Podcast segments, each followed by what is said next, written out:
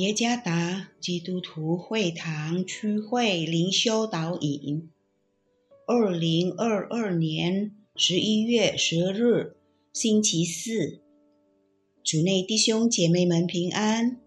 今天的灵修导引，我们要借着圣经彼得前书第一章第五节来思想今天的主题：盼望超越困难。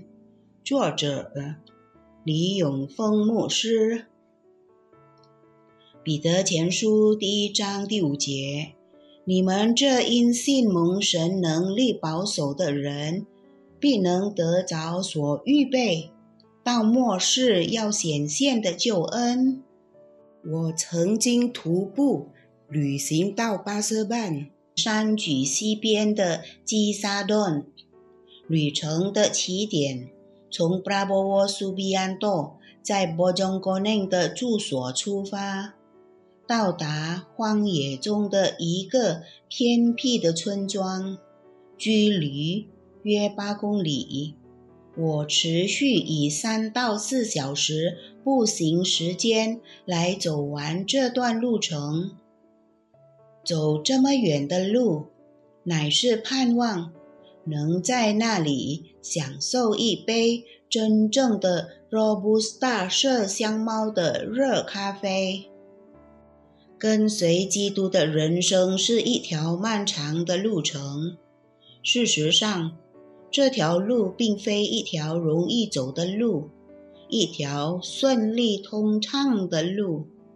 有时我们会遇到急拐弯路般的困难。就如徒步到基沙顿一样，这里有许多岩石与潮湿的土壤混合在一起的斜坡，还有深崖和山坑，到处都是破损的坏路，还有许多水坑。在那里也有美丽的风景，青山和绿坡。灌木和其他的植被，亦可称为植群。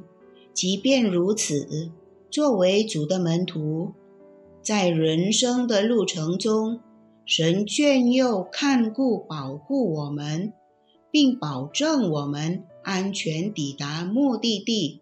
在那里，我们要得着荣耀。这条道路是安全的。因为有上帝在引导我们，神说他在看顾你。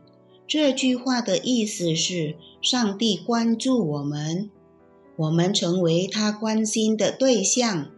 因为在神眼中，我们是何等的宝贵。这个应许给了我们确实的盼望。不要在跟随主耶稣的路上失去了盼望。上帝从不会疏忽眷顾保护你，他总是在生活发生困难时眷佑看顾我们。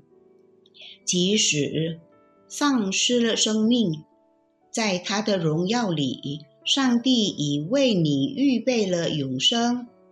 那荣耀不仅是给你预备，他也要眷顾你，让你能得到那为你所预备的。